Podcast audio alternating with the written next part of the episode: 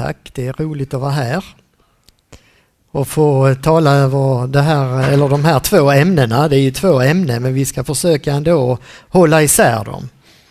Eh, så jag kommer först att tala lite om änglarna och sen eh, om helgonen och sen hoppas jag att vi kan få lite chans att eh, samtala om det efter eller, eller i samband med fikat. Vi ber. Herre, vi tackar dig för din stora omsorg om oss. Tack för att det är så som vi har sjungit här, att du håller mig i din hand. Och tack för att när du gör det så vet vi att du också använder dig av änglarna som medhjälpare. Herre, tack för att du som är så stor och så mäktig ändå har delat med dig av din makt till änglar och till människor. Så att vi får göra uppgifter, meningsfulla insatser, vara sändebud och medhjälpare i ditt stora rike. Herre, det tackar vi dig för. Amen. Det finns ju mycket i den här världen som vi inte ser men som vi ändå eh, förutsätter. Jag kan tänka mig att det finns en och annan här som aldrig har sett en proton. Eller en elektron. Du har sett den Bo? Nej? ja, du håller med mig. Ja. Eh, och ändå räknar vi ju med att de finns. Vi litar ju på att eh, våra kära eh, forskare, de vet vad de talar om. Vårt öga uppfattar alltså inte allt. Det finns mycket i vår tillvaro som är osynligt för oss. Också sådant som har stor betydelse påverkar våra liv. Med starka instrument så kan man kanske se dem. Så är det ju med virus och bakterier exempelvis. Men nu finns det också en, jag vet inte om man kan säga det så här, i kvalificerad mening osynlig värld. In i den tränger man inte med än så starka instrument. Den kommer man liksom bara, blir man bara varse i den mån att eh, man därifrån uppenbarar sig för oss. Och det är denna osynliga del av verkligheten som är eh, platsen eller boningen för Guds, för Gud och för änglarna. Ni vet att i Gamla Testamentet kallas Gud ofta för Herren Sebaot. Det har ni hört många gånger, den, det gudsnamnet, Herren Sebaot. Helig, helig, helig är Herren Sebaot. Hela jorden är full av hans härlighet. Sebaot, det betyder härskaror. Så det ordet betyder egentligen att Gud är härskarornas herre. Han är alltså omgiven av härskaror, av himmelska härskaror, av ett hov av änglar som tjänar honom. Och det är det som ligger i den gudsbeteckningen, Herren Sebaot. Den finns eh, på många ställen, den finns också i eh, eh, alltså den finns i Jesaja som vi sa, eh, jag citerade ifrån. Eh, och den finns eh, på många ställen också eh, annars. Nu ska jag läsa och det blir liksom inledningen på detta. Eh, ett eh, avsnitt ur psalm 103 som talar om eh, Guds kungavälde och hans härskaror. Här, det är alltså psalm 103, vers 19 och framåt. Herren har ställt sin tron i himlen. Hans kungavälde omfattar allt. Lova Herren, ni hans änglar, ni starka hjältar som utför hans befallning, så snart ni hör ljudet av hans befallning. Lova Herren, ni alla hans härskaror. Så här kommer det ordet igen. Ni hans tjänare som uträttar hans vilja. Lova Herren, ni alla hans verk, överallt där hans välde är. Min själ lova Herren. Den här salmen och de här verserna särskilt ger ju uttryck för Guds kungliga makt över allt och alla. Hans suveräna makt i skapelsen och historien. Han har resurser som får vår tanke att svindla. och till hans förfogande står änglar i oräkneligt antal. De kallas härskaror. Och i Uppenbarelseboken som ju är en bok full av symboler så, så talas det ju om eh, med sådana eh, uttryck så att tanken svindlar. Han, Johannes fick se änglar 10 000 gånger 10 000 och 1000 gånger 1000. Alltså det är ju uttryck för att säga ingen kan egentligen räkna dem. De finns i sån svindlande mängd. Jesus han säger till Petrus när han eh, träder till sin mästares försvar vid gripandet i ett semane att han kunde ju be Fadern att sända till min tjänst mer än 12 legioner änglar. Där har vi också en sån eh, siffra också. Va? Änglar som står till tjänst. 12 legioner, en romersk legion bestod av 6000 man. Så det är inte så lite redan det, eller hur? Änglarna talar alltså Bibeln om i Gamla och i Nya Testamentet. Vad är nu dessa änglar för några? De första orden i vår bibel lyder så här. I begynnelsen skapade Gud himmel och jord, egentligen himlarna och jorden. Och i Kolosserbrevets första kapitel så utlägger Paulus just de inledningsorden i vår bibel när han talar om Kristus som är förstfödd före allt skapat. Det är Kolosserbrevet 1, 15 och 16. Han är förstfödd före allt skapat, säger han om Kristus. Alltså han är inte skapad. Utan han är ju Gud och han är född före skapelsen. Han finns till före skapelsen. Och sen fortsätter Paulus. Ty i honom skapades allt i himlen och på jorden. Där har vi ju orden från, från skapelseberättelsen. Gud skapade himlarna och jorden. I honom skapades allt i himlen och på jorden. Och så gör Paulus ett tillägg. Det synliga och det osynliga. Och sen räknar han upp fyra stycken sådana här änglamakter. Eh, tronfurstar och herradömen, makter och väldigheter. Så himlarna och jorden är alltså beteckningen på skapelsen i sin helhet. Både dess synliga delar och dess, eller dess synliga och dess osynliga delar. Och till den för oss osynliga skapelsen hör änglarna som Paulus sammanfattande här benämner tronfurstar och herradömen, makter och väldigheter. Och nu ska vi också då bara stryka under än en gång, de är skapade av Gud. Gud själv och därmed Kristus är av evighet och inte skapad. Och de här änglarna, de är en egen kategori i skapelsen. De är skapade i begynnelsen. De är också konstanta till sitt antal. Det, alltså, nu ska vi säga att änglar omtalas på många ställen i Bibeln men vi får ändå inte veta så jättemycket. Jag tror det bara är i Esters bok som inte nämner änglar. Annars tror jag i alla andra böcker så nämns änglar. Eh, så det, det, finns ofta och vi får liksom vissa aningar, vissa glimtar av, eh, den, eh, av änglavärlden. Och det är de vi också nu ska liksom lyfta fram. Änglarna de är konstanta till sitt antal. De förökar sig alltså inte som människorna. Och det har vi ett Jesusord på också. De är okroppsliga varelser, alltså andar. Och tillhör alltså den osynliga världen. Även om de ibland kan anta synlig gestalt, det har vi ju exempel på, så är de till sin natur osynliga. De är personliga väsen. Varelser och som har namn. Alltså som skaparen har satt namn på och som skaparen känner. Och vi får ju veta namn på åtminstone två stycken änglar i, eh, i Bibeln. Eh, vilka då?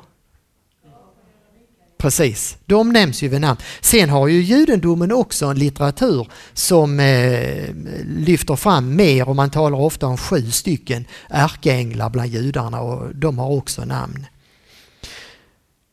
De här änglarna de är intelligenta. De har en bättre överblick och ett större vetande i de flesta fall i alla fall, än vi människor har. Alltså, ta exempel, vi ska komma in så småningom på den fallna delen av änglavärlden, för det finns ju också fallna änglar, demonerna. De vet direkt vem Jesus är när de möter honom. Och det vet ju inte människorna. Människorna ställer sig frågor, vem är han egentligen? Han förvånar oss. Vem är han? Och demonerna säger omedelbart, du är Guds son. De har ett större vetande än vi människor.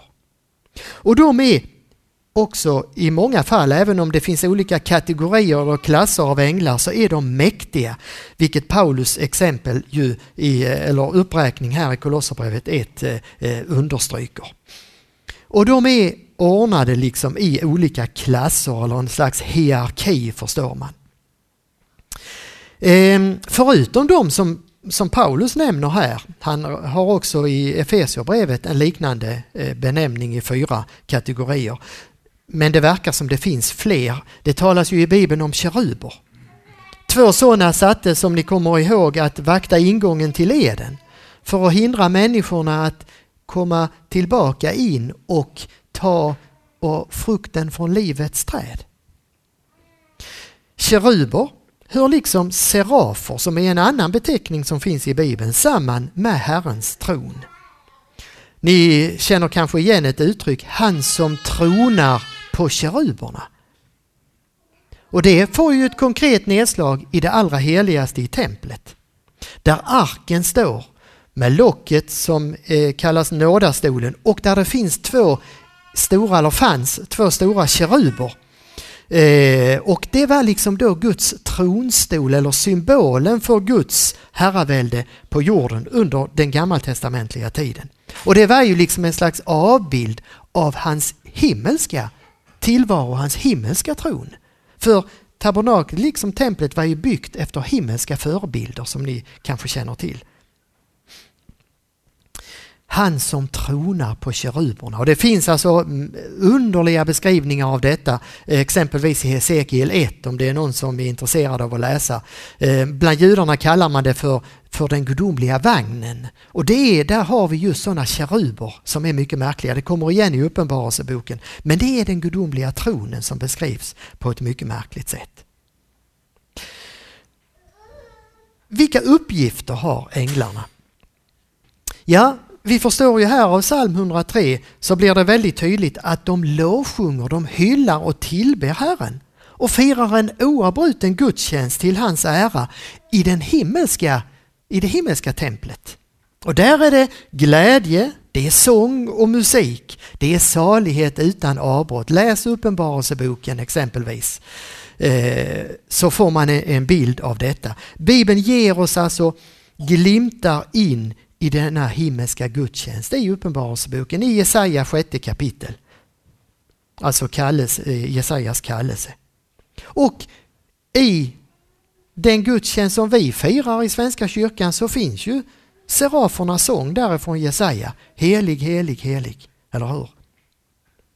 Och det har alltså blivit några få människor förunnat att få se in i denna osynliga värld och ge oss glimtar av den. Och det är de glimtarna vi har i vår bibel.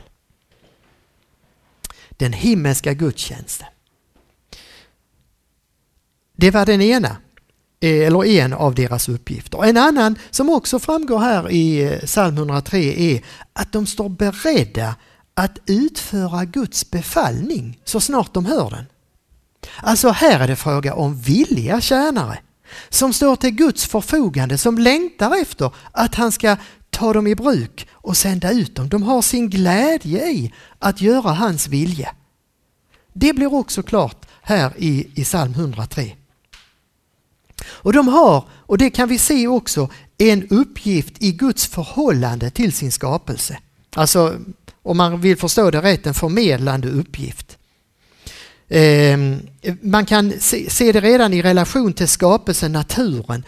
Det finns exempelvis i Uppenbarelseboken så att det talas om där om vattnens ängel i Uppenbarelseboken 16 och 5.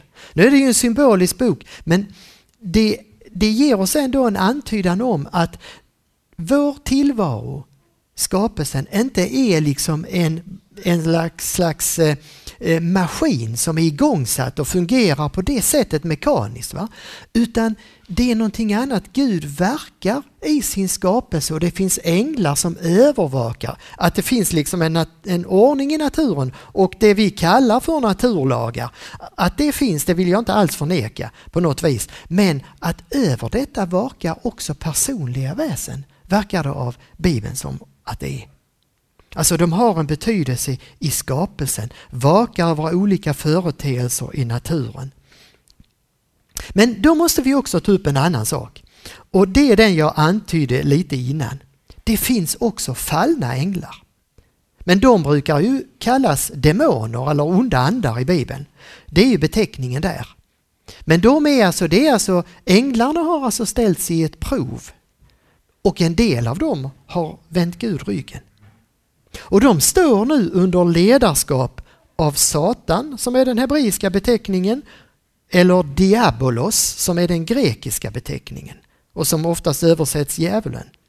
Han är alltså en fallen ängel som är liksom basar över alla de fallna änglarna. Han är ledaren för de fallna änglarna.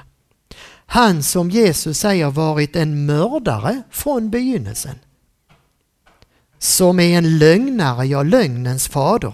Det är Johannes åttonde kapitel. Men Jesus kallar honom också för någonting annat. Han kallar honom för denna världens furste. Och denna världens furste är en beteckning som används i, i judiska skrifter från före Jesus. Så Jesus tar alltså upp en beteckning som fanns inom judendomen och som där var mer neutral när han talar om denna världens furste. Men när Jesus talar om denna världens furste då identifierar han honom med den som har gjort uppror och som ledde det stora upproret mot Gud och som är chef så att säga för alla de fallna änglarna. Denna världens furste, ja det är en titel som antyder att han redan från början har haft alldeles särskilda befogenheter och uppgifter i förhållande till mänskligheten. Och det är en ställning som han har kvar också som fallen. Han har brutit sig ut liksom ur Guds eh, goda herravälde för att bilda ett eget rike. För att fördärva och rasera det Gud bygger och dra, vill dra människorna med sig i sitt uppror och sin olycka. Och det är ju precis den beskrivningen som Bibeln ger oss. Och när Guds son blir människa, då går han omedelbart till motangrepp. Då inser han att hans position är hotad och då drar han till strids. Och det kan vi ju följa redan från början. Redan när Jesus är alldeles nyfödd så vänder sig Herodes i en fruktansvärd vrede mot honom. Det är egentligen mycket märkligt att man gör så mycket väsen för ett litet barn. En liten värnlös bebis. Men Herodes gjorde det. Och man anar när man läser, här ligger ju denna makt, världsfursten bakom. Han möter sen Jesus när han har blivit vuxen genom frestelserna i öknen. Han använder hans apostel Petrus för att få honom på andra vägar och Jesus visar bort honom vid båda tillfällena. Genom det judiska ledarskapets eh, hot träder också den, denna världens furste fram. Och till slut finns han vid korset. Det säger Johannes evangeliet och Lukas evangeliet väldigt tydligt. Denna världens furste kommer. I mig har han intet, säger Jesus i sitt avskedstal.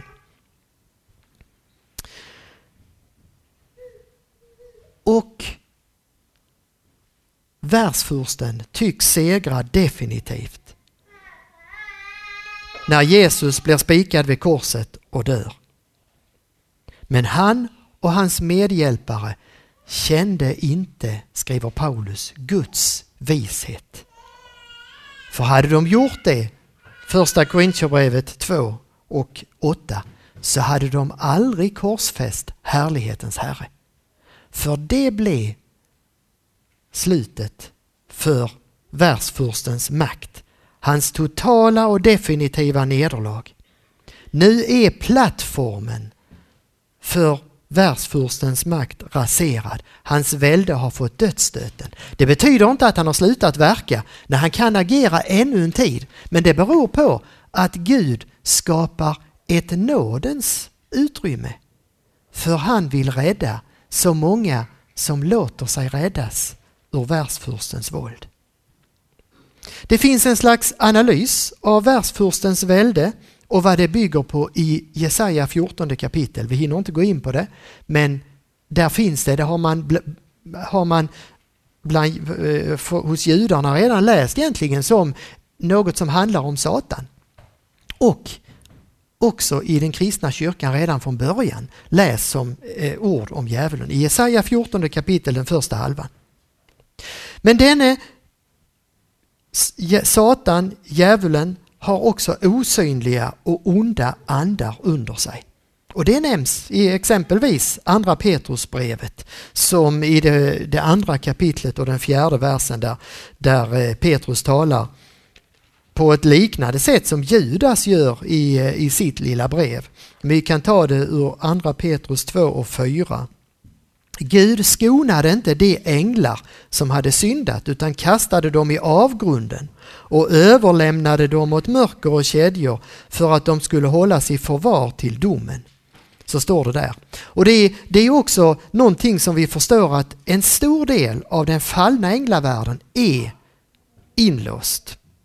Ni som har läst Uppenbarelseboken nyligen kanske kommer ihåg att det står om att vid något tillfälle så öppnas eh, Eh, locket på avgrundens eh, brunn, står det. Och så kommer det ut rök därifrån. Och det här har med, med, med den här änglavärlden att göra. Och i evangelierna blir det ju väldigt tydligt att det finns ju ett visst antal fallna änglar eller demoner som är i verksamhet och som kan eh, besätta människor, alltså ta människor i sitt bruk så att de inte kan styra sig själv. Och det, där går ju Jesus till motangrepp och det är ju tecken på att Guds rike är här när demonerna drivs ut.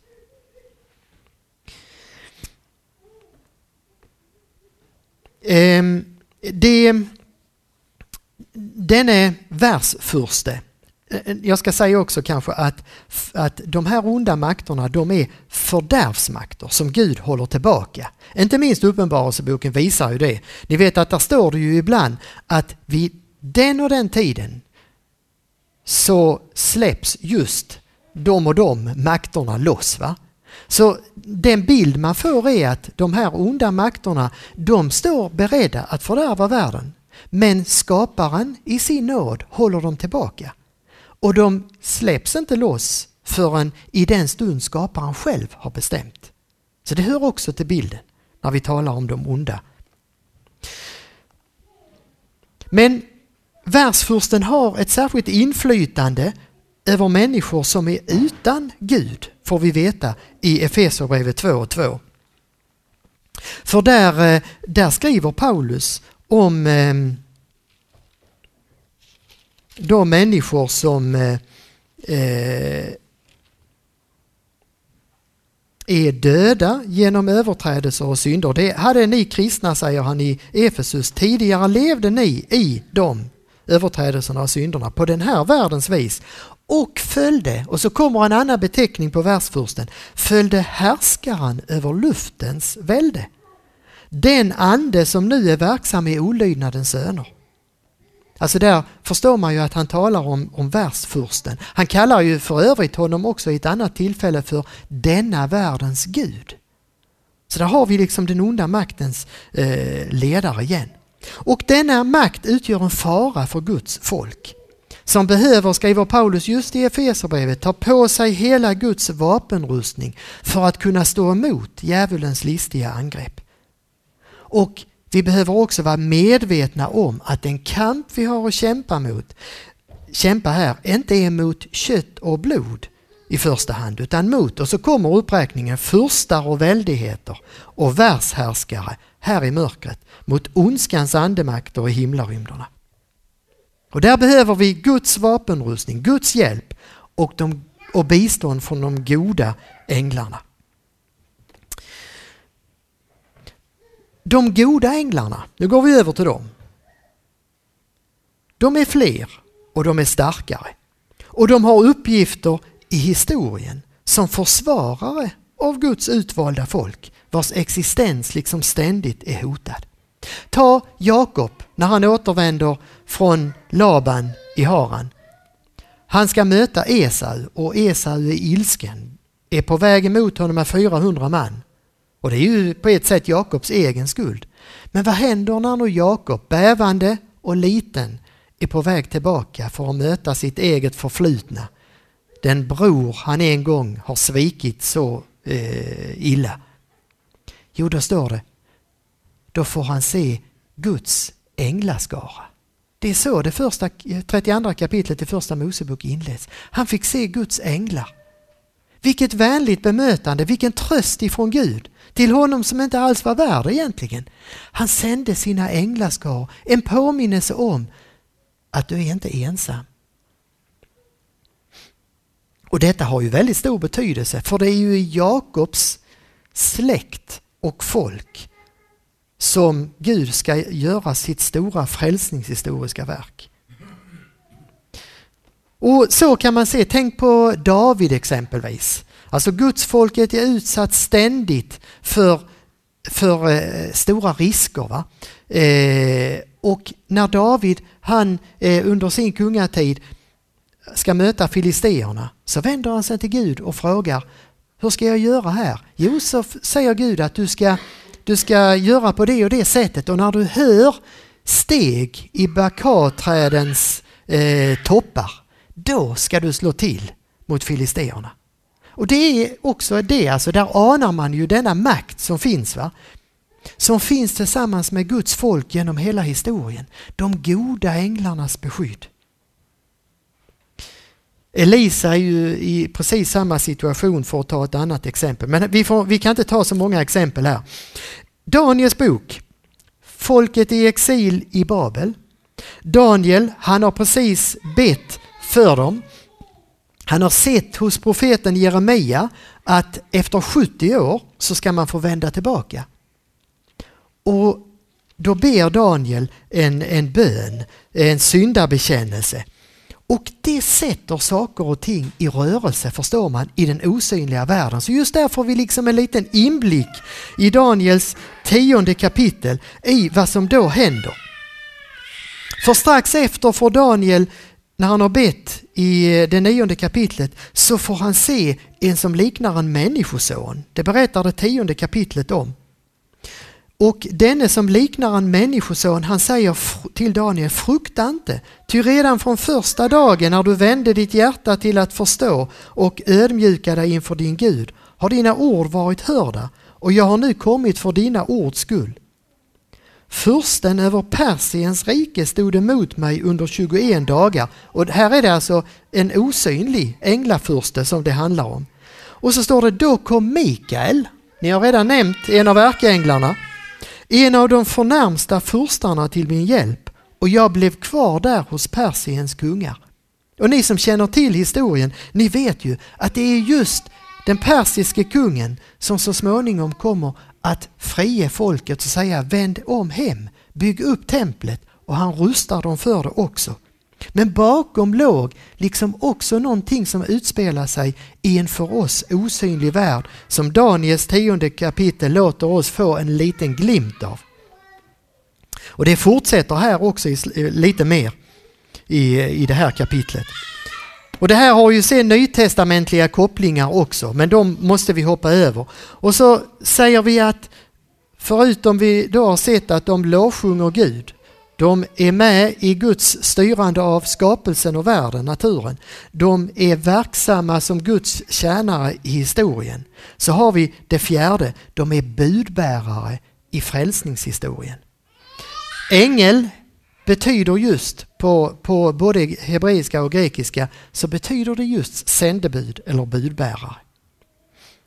Så de är förmedlar Guds uppenbarelsen till Mose exempelvis. Som ni vet ju flera gånger i Nya Testamentet så kommer man tillbaka till att det, det första förbundet mellan Gud och hans folk, det på Sinai, det förmedlades av änglar, det sa både Paulus och Hebreerbrevet.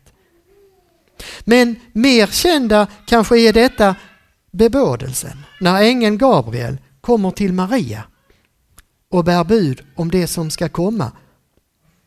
Vid Jesu födelse träder änglarna fram som budbärare. De kommer till Jesus i ett semane så kommer det en ängel och styrker honom eh, i hans uppgift. Sen finns det änglar i samband med uppståndelsen och talar om att han är inte här, han har stått upp för kvinnorna. Och så finns de vid himmelsfärden för att tala om för, eh, eh, för apostlarna att han är inte längre här i den synliga verkligheten. Han har farit upp till himmelen och han ska komma tillbaka på samma sätt som ni har sett honom fara härifrån budbärare i frälsningshistorien. Och de har också uppgifter vid historiens slut när Herren kommer tillbaka. Det som den här dagen eh, och nästa söndag också handlar om. I Matteus 24 kapitel eh, och 25 kapitel så talas det om att Människosonen ska komma i sin härlighet och alla hans änglar Eh, Eh, med honom. Alltså där är det han som kommer med omgiven av sina härskaror i makt och härlighet. Och i 24 kapitlet att de ehm, med starkt basunljus skall han sända ut sina änglar. De ska samla hans utvalda från de fyra väderstrecken, från himmelens ena ända till den andra. De har alltså också uppgifter i samband med domen förstår man. Och sen ska vi kanske också till allra sist bara stanna inför detta att han är, änglarna är också sända att på ett särskilt sätt skydda Guds barn och vänner. Ehm, det står bland annat i Hebreerbrevet om detta att änglarna, säger författaren där redan i första kapitlet, 14 eh, vers, de är tjänsteandar nu är det nog en äldre översättning. Är inte änglarna andar i helig tjänst utsända för att tjäna dem som ska ärva frälsningen? Och i Matteus 18 kapitel så talar Jesus eh, också om, eh, om änglar i den meningen. Han eh, säger där att eh, se till att ni inte föraktar någon enda av dessa små. Jag säger er att deras änglar i himlen alltid ser min himmelske faders ansikte. Alltså de som han här kallar sina små är särskilt föremål för änglars beskydd, den gudomliga närhetens änglar. Alltså de som står som alltid ser min faders ansikte. Alltså man förstår hur oerhört viktigt detta är. De är särskilt utsända för deras skull som Jesus kallar sina små. Och det har vi ju också eh, som ni känner till ifrån Saltaren. Herrens ängel slår sitt läger omkring dem som fruktar honom och han befriar dem. Eh, det kan väl vara nog om änglar. Jag ska säga lite grann om helgon också. Det har vi eh, tio minuter på oss gott och väl. Det får vi se om vi kan hålla men i stort sett tror jag. Eh, helgon, det har ju, då, då, förflyttar vi oss liksom till något helt annat. Då förflyttar vi oss från änglarnas värld till människornas värld. Till den synliga världen som vi lever i. Eh, och då ska vi också säga att ordet helgon det har ju koppling till och kommer ju ur ordet för helig. Det är ordet helig som ligger bakom. Och då måste vi säga någonting om, dem, om detta. Gud är helig, det är Guds främsta kännemärke. Men de som tillhör honom kallas också heliga. När Paulus skriver sina brev så skriver han till de heliga i Korint. Och då kan ni ju själv tänka, vad har han att säga de heliga i Korint? Ja, han har en hel del att förebrå dem för.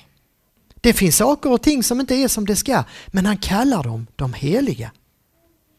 Så kallar han dem inte för att de är heliga i sig själv, för det visar brevet att de inte är, utan på grund av att de tillhör Gud.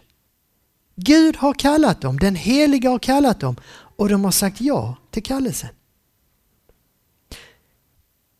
Genom dopet, det är det tredje, så har de helgats, alltså tagits ut ur världens sammanhang och satts in i Guds rike och gemenskap för att tillhöra honom. Och det är möjligt och det är den fjärde saken. På grund av Kristi offer på korset. Och betyder att en människa är helig betyder, och det är den femte saken då, att han eller hon är vigd till en uppgift som påverkar livet. Det är en definition som jag tycker är fin. Vigd till en uppgift som påverkar livet. Och ska nu växa i helighet. Alltså i liv och gärning allt mer bli det den människan redan är i Kristus. Och det är en process som vi ibland kallar för helgelse och som innebär ett fördjupat beroende av Jesus. Och som innebär också att genom det också påverkas, förändras och bära frukt i kärlek och goda gärningar. Något som tillskrivs den heliga Andes verksamhet. Det är ju Andens frukt. Och den processen den blir inte färdig förrän vid uppståndelsen på den yttersta dagen. För då ska de som tillhör Gud få se honom sådan han är och bli honom lika. Första Johannes 3. Så det vill jag först säga om, om detta med helig och hur Bibeln använder och Nya Testamentet inte minst använder det uttrycket. De heliga, det är de som har, och det är en, en lite annan synvinkel men med, som också hjälper att kasta ljus på det hela. Det är de som har trons djupseende. Och då närmar vi oss det som vi egentligen var inne på här innan när vi talade om den osynliga världen. De har alltså trons blick för att det finns djup i tillvaron. Det är människor som alltså inte bara lever i denna världen på det sättet att man lever på ytan eller hur man ska uttrycka det. Utan det är sådana som har fått öppnad blick för Guds rike, för Gud själv. I andra Korintierbrevets fjärde kapitel och artonde vers skriver Paulus Vi riktar inte blicken mot det synliga utan mot det osynliga. Ty det synliga är förgängligt men det osynliga är evigt. Ett exempel på hur Paulus talar om detta. Att ha det osynliga för ögonen, att ha ett sådant riktmärke, det avsätter spår i det som syns. Det märks i livet om en människa har sin blick fäst på det osynliga. Om en människa har sin blick fäst på Kristus. Abrahams liv, tre exempel tar vi. Abrahams liv blev annorlunda. Därför att han följde kallelsen från Gud. Som kallade honom till ett land som han aldrig hade sett. Han bröt upp från det kända det trygga. Lämnade tillvaron i Ur och släktgemenskapen där med allt vad den betydde och överlät sitt liv i dens händer som hade kallat honom. Och han visste inte vart han skulle dra. Han hade aldrig sett landet. Men han följde Guds ledning. Noa, han ägnade 120 år att bygga en stor båt för att rädda människor och djur undan den undergång som ingen människa hade sett men som Gud hade varnat honom för. En översvämning som skulle komma. Han satsade 120 år av sitt liv på detta projekt i tron på något han ännu inte hade sett. I min barndom kunde man få höra Ragnar Wilborg sjunga Varför bygger du Noa en båt? Som en galning du bär dig åt bygga båt upp på land långt från närmaste strand. Hur fortsätter den? Ingen av oss kan detta förstå, tack. Det är verkligen märkligt detta att Noa gjorde så. Vem i hans samtid kunde förstå detta? Vem begriper sig på en kristen, en människa som är född på nytt genom anden? Jesus är inne på det i Johannes 3. Mose tackade nej till kulturstaten Egyptens rikedomar och anslöt till ett litet föraktat slavfolk som inte kunde vänta sig annat än smälek från sin omgivning. Vad såg han?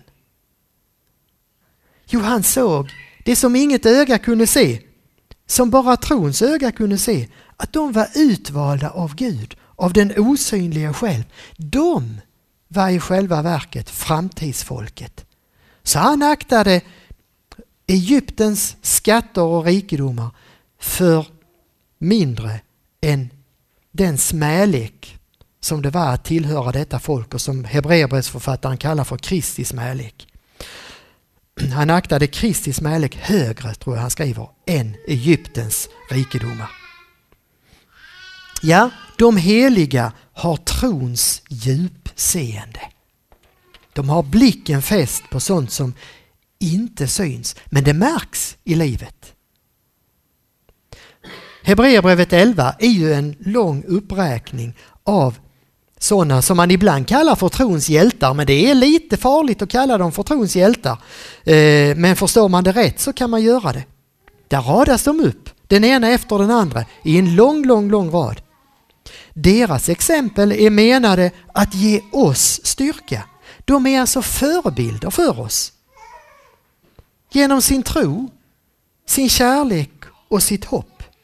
Goda exempel att lära sig av och inspireras av. Och de är inte, och det är därför de inte, ja, man måste också tänka över det här med när man kallar dem för, för trons hjältar, det, är ju, eh, det står ju inte i texten utan det är, eh, det är sånt som man har satt dit i efterhand, om det står som en överskrift eller så, eh, vilket det gör ibland. De är inte ouppnåeliga ideal utan de är verkliga människor med fel och brister som fick kämpa Läs första Mosebok om Abraham och hans kamp. Exempelvis. Eh, och som misslyckades alltså, men som mitt i allt höll fast vid Guds ord och blev föremål för hans trofasta kärlek. Deras tro bar dem. Men vi kan lika gärna säga deras Gud bar dem. alla helgons dag. Vi firade den för inte så länge sedan. Den har sin bakgrund i förföljelserna som kyrkan utsattes för under de första århundradena. De som gav sina liv för tron på Jesus, alltså martyrerna, de skulle inte glömmas bort av kyrkan. Utan de fick var och en sin egen dag. Och så vet ni ju att vi en dag på året firar den helige Stefanus dag. Den första martyren som apostlagärningarna talar om. När är det? Annandag jul, ni kan er läxa här. Till slut räckte inte dagarna till. För det blev många martyrer under de första århundradena. Och så samlade man firandet av påminnelsen om de som hade framburit sina liv som ett levande och heligt offer åt Gud och vunnit seger. Man samlade det till en enda dag. Martyrerna som likt Stefanus, så tänkte man, i dödsögonblicket såg himmelen öppen och Människosonen på Faderns högra sida. De blev vittnen om det kristna framtidshoppet, om uppståndelsen. Och de vittnade om Guds makt att genom tron bevara det sina, även i de största svårigheter. De vittnade om Guds ords makt att förvandla en människa till att bli Kristus lik. I tidiga kristna skrifter så kan man läsa berättelser om martyrerna. Det finns eh, en bok som heter Polycarpus martyrium, mycket kort. Polycarpus han var lärjunge åt Johannes, evangelisten och aposteln Johannes. År 156 eller någonting sånt, alltså på 150-talet, då fördes han till Smyrna och i en förföljelsetid. Och man försökte övertala honom att han skulle smäda Kristus så han skulle kunna rädda sitt liv. Polycarpus han säger så här, sen 86 år har jag tjänat honom och han har inte gjort mig någon orätt. Hur skulle jag då kunna häda min konung som har frälst mig? Och så gick han i döden. Och det finns alltså en berättelse omkring detta. Det är en av de tidigaste berättelserna utanför Bibeln. Efterhand så blev alla helgons dag också en dag då man mindes sådana kristna vars liv och gärning var till uppmuntran och styrka för andra än om de inte blev martyrer. Och det, vi vet ju av kyrkans historia att ibland urartade det här och påverkades liksom av någon slags folkreligiositet som, som det alltid finns. Liksom. Eh, var tid har sin. Och så blev, ble helgonen föremål för någon form av kulter som drog åt tillbedjans hållet. Och man kunde ha mycket tankar omkring det här. Men det var ju sånt som man måste ta avstånd ifrån. Det är villovägar. Då skymmer de ju Kristus. Men vi får ha och vi behöver ha goda föredömen. Ta mig till föredöme kan Paulus skriva. Vid flera tillfällen gör han det. Följ mitt exempel, skriver han i första Korintierbrevet 11.1. Följ mitt exempel. Och så kommer det ett viktigt tillägg. Liksom jag följer Kristi exempel. Här finns alltså en människa som vandrar med Kristus för ögonen och följer honom. Och så kan han frimodigt säga följ mitt exempel. Och ni vet ju hur Paulus han skriver, han talar inte så stora ord om sig själv egentligen, men han kan säga, ändå vara väldigt frispråkig eh, och säga genom Guds nåd är jag vad jag är. Det är Guds nåd som har gjort detta. Så det är inte liksom någonting som han skryter med. När ska han lyfta fram någonting då vill han hellre lyfta fram sin svaghet kan han säga. Och då förstår vi också kanske lite av, av vad det innebär. Alltså den som verkligen är ett helgon är ju inte medveten om det själv. Det är en människa som är ödmjuk. Men det är alltså människor, sådana människor som väcker hopp. Som stärker den, vad ska vi säga, den äkta självkänslan hos oss och inspirerar oss till förändring. Som lyfter liksom vår blick från oss själva, från det som är lågt och egoistiskt till det som är rent och ädelt och osjälviskt. Det som alltså är Guds avsikter med oss människor som är skapade till att vara Guds avbilder. Bli lika Kristus. Ja, goda förebilder, det behöver vi. De är rent av nödvändiga för att vi ska kunna mogna. Och det är någonting som är viktigt, att vi mognar som människor och som kristna. En definition som Nathan Söderblom har gett på helgon och som jag tycker är kortfattad och fin i denna. Helgon är de som med sina liv och sina gärningar visar att Gud lever. Det är tänkvärt, tycker jag.